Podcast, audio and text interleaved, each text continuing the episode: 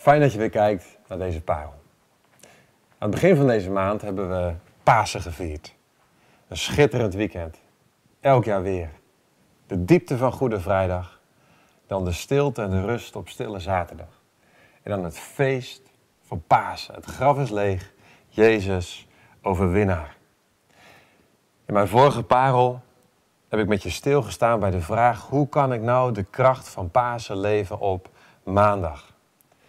En toen stond ik stil bij drie dingen waarmee wij ons in geloof kunnen verbinden met de opgestane Jezus. We mogen tevoorschijn komen uit de schaduw. We mogen onszelf tonen aan de ander. Licht verspreiden, licht doorgeven, ook in situaties waar schaduw is. En we mogen hen troosten die verdriet hebben. Drie dingen die we Jezus zien doen in het verhaal van de opstanding. Drie dingen waarmee wij ons mogen verbinden in geloof. Om zo op maandag en dinsdag en woensdag de kracht van Pasen te kunnen leven. En in deze parel wil ik daar een vervolg aan geven. Hoe kunnen we nou leven in de kracht van Pasen op maandag? En stilstaan bij drie geschenken die Jezus ons wil geven, opdat wij ze vervolgens ook weer kunnen uitdelen. En die geschenken die wil ik ja, op het spoor gaan komen vanuit Johannes 20. Ik wil daar twee versen uit lezen, drie. En een aantal details in aanraken. Ehm, voor wat Jezus ons wil geven om weer door te geven aan de anderen. Dus Johannes 20, vers 6, daar staat... Even later kwam Simon Petrus ehm, en hij ging het graf binnen. Ook hij zag de linnen doeken en hij zag dat de doek die Jezus gezicht bedekt had, niet bij de andere doeken lag, maar apart opgerold op een andere plek. En toen ging ook de andere leerling, die het eerst bij het graf gekomen was, Johannes, het graf in. Hij zag en geloofde, want ze hadden uit de schrift nog niet begrepen dat Jezus uit de dood moest opstaan. En de leerlingen gingen terug naar huis vind het schitterend omschreven. En ik wil inzoomen op, op twee dingen die Jezus in zijn opstanding achterliet in het graf. En het eerste is dit. Jezus liet een open doorgang achter. Want de steen was weggerold. En Johannes en Petrus, ze komen naar het graf gesneld. En, en Petrus, hij kan zo naar binnen lopen. Want het huis van de dood had niet langer een steen. Niet langer een deur die was weggerold, die was open geworden. Jezus had een open doorgang achtergelaten. En dat doet me denken aan dat schitterende beeld van die Simpson die in Gaza verblijft. En zijn vijand wil hem, wil hem pakken. En ze denken dat hij in alle vroegte de stad wil verlaten, dus ze doen de poorten dicht. Maar dan is het rond middernacht dat Simpson opstaat. En dat hij de poorten van de stad op zijn rug neemt. Dat hij eindeloos ver aan de wandel gaat met die zware poorten. Dat, dat hij ze ergens op een berg neersmijt. Dat die, die ommuurde stad, die ommuurde duistere stad die hem gevangen wilde houden, niet langer poorten had, maar open was. En zo heeft Jezus de, de poorten van de dood op zijn schouders genomen. En heeft ze eindeloos ver weg weggegooid. Het huis van de dood heeft niet langer een deur. Ik moest denken aan, aan Simon Petrus, die in Handelingen 12 in de diepste kerker zit. Bewaakt door 16 Romeinse soldaten. Er is een grote poort. Er is ook nog de deur van de kerker zelf. En dan zit Petrus daar vastgeklonken tussen een bewaker links en een bewaker rechts. Maar er komt daar het licht van Gods kracht. En de boeien die vallen af. Nou zo. Dat Jezus de boeien verbroken heeft. De boeien van de dood. Het graf kon hen niet houden. Niet langer heeft het huis van de dood tralies, of grendels, of deuren. Voorgoed moest de dood zijn macht prijsgeven. Jezus liet een open doorgang achter en het geschenk wat hij ons daarmee geeft is dit.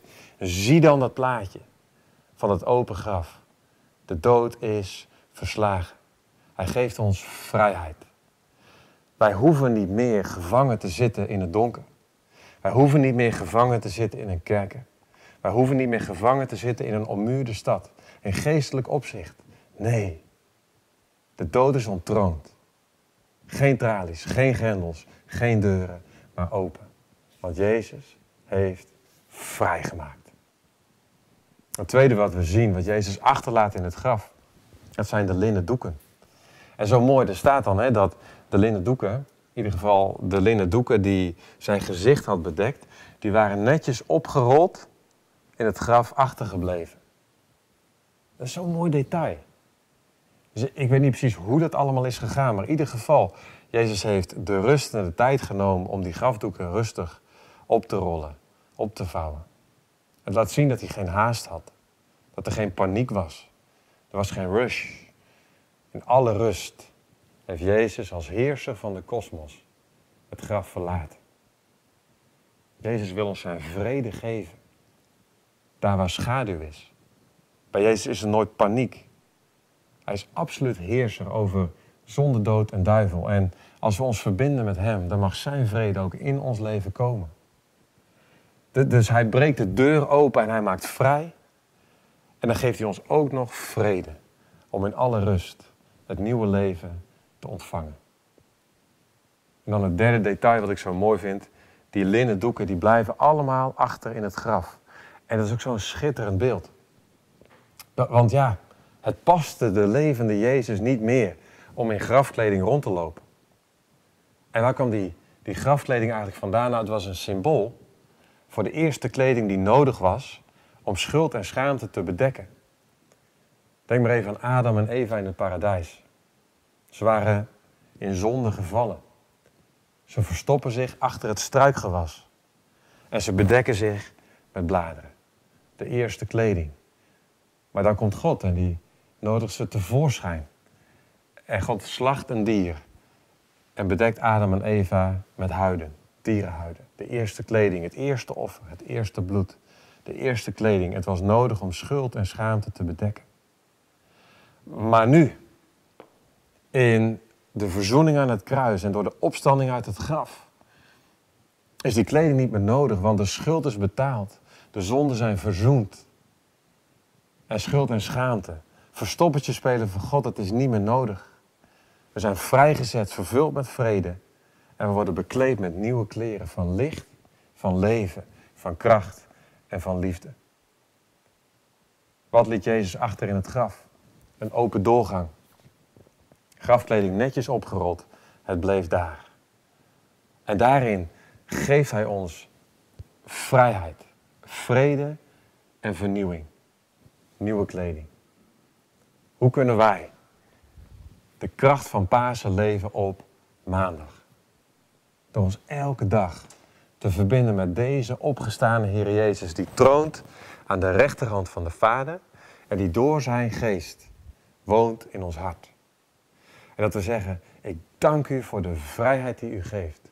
Ik hoef niet vast te zitten aan de schaduw van de dood. Ik hoef niet vast te zitten aan al die lievelingszondes als die in mijn leven spelen. Ik hoef niet vast te zitten aan angst of paniek. Ik hoef niet in schuld en schaamte weg te kruipen en verstoppertje te spelen voor u. Nee, ik mag wandelen in wat u mij wilt geven. Vrijheid, vrede, vernieuwing. En dat is wat Jezus wil geven. En dat is wat steeds meer deel van ons mag worden. Waardoor we ook anderen in Jezus' naam mogen uitnodigen om vrij te worden. In verbinding te komen met Jezus als de vredevorst. En ze uit te nodigen om elke vorm van schuld of schaamte af te leggen aan de voet van het kruis. Om te wandelen in de vernieuwing die Jezus wil geven. Nou, en daarmee wil ik jullie, ons, ook mezelf bemoedigen. Maar ik wil ook gewoon een heel eenvoudig gebed uitspreken dat in de dag die voor je ligt, of misschien kijk je deze parel in de avond, dan is het voor de volgende dag. Maar om ehm, ons te verbinden met deze geschenken die Jezus wil geven, om daarin ook tot zegen te zijn voor anderen. Dus zullen we gewoon een moment bidden. Ja, Heer Jezus, dank u wel voor de kracht van Pasen. Dank u wel voor dat schitterende beeld. Dat u achterliet een open doorgang. De dood is tandeloos geworden. De schaduw heeft het nakijken daar waar u verschijnt. En dat u zegt, dit heb ik voor eens en voor altijd voor iedereen gedaan. Er is vrijheid. En in uw naam, u verbreekt nog steeds boeien. U doorbreekt deuren. U wilt nog steeds vrijzetten. En mijn gebed is dat we ja, als kinderen van u ons elke dag verbinden met, met deze reddende kracht van u. Maar ook om ervan te getuigen in de mensen die we ontmoeten door de dag heen. Misschien heel expliciet met woorden, misschien wel zonder woorden in onze houding, maar dat we ja, heel bewust zullen wandelen als kinderen die, die wandelen in vrijheid. Dank u wel dat u laat zien dat u in alle rust naar buiten wandelde. U bent vrede, vorst, koning van de vrede. En u nodigt ons ook uit om elke dag te komen met onze vermoeidheid en te zeggen, schenk mij uw rust. En help ons om in een jachtige tijd ook elke dag te leven vanuit de diepte van uw rust. En het derde is, dank u wel voor wat u laat zien in die kleding die achterblijft. Heren, we zijn vrijgezet van schuld en schaamte. Om te wandelen in dat nieuwe leven met die nieuwe kleren. Van licht en leven, liefde en kracht. En help ons om die kleding die we van u ontvangen elke dag aan te trekken. En ermee door het leven te wandelen. Om ook tot zegen te zijn ook daarin. Voor anderen. Zegen ons zo. En laat ons leven als kinderen van u. De kracht van Paas, elke dag levend. In uw naam. Amen.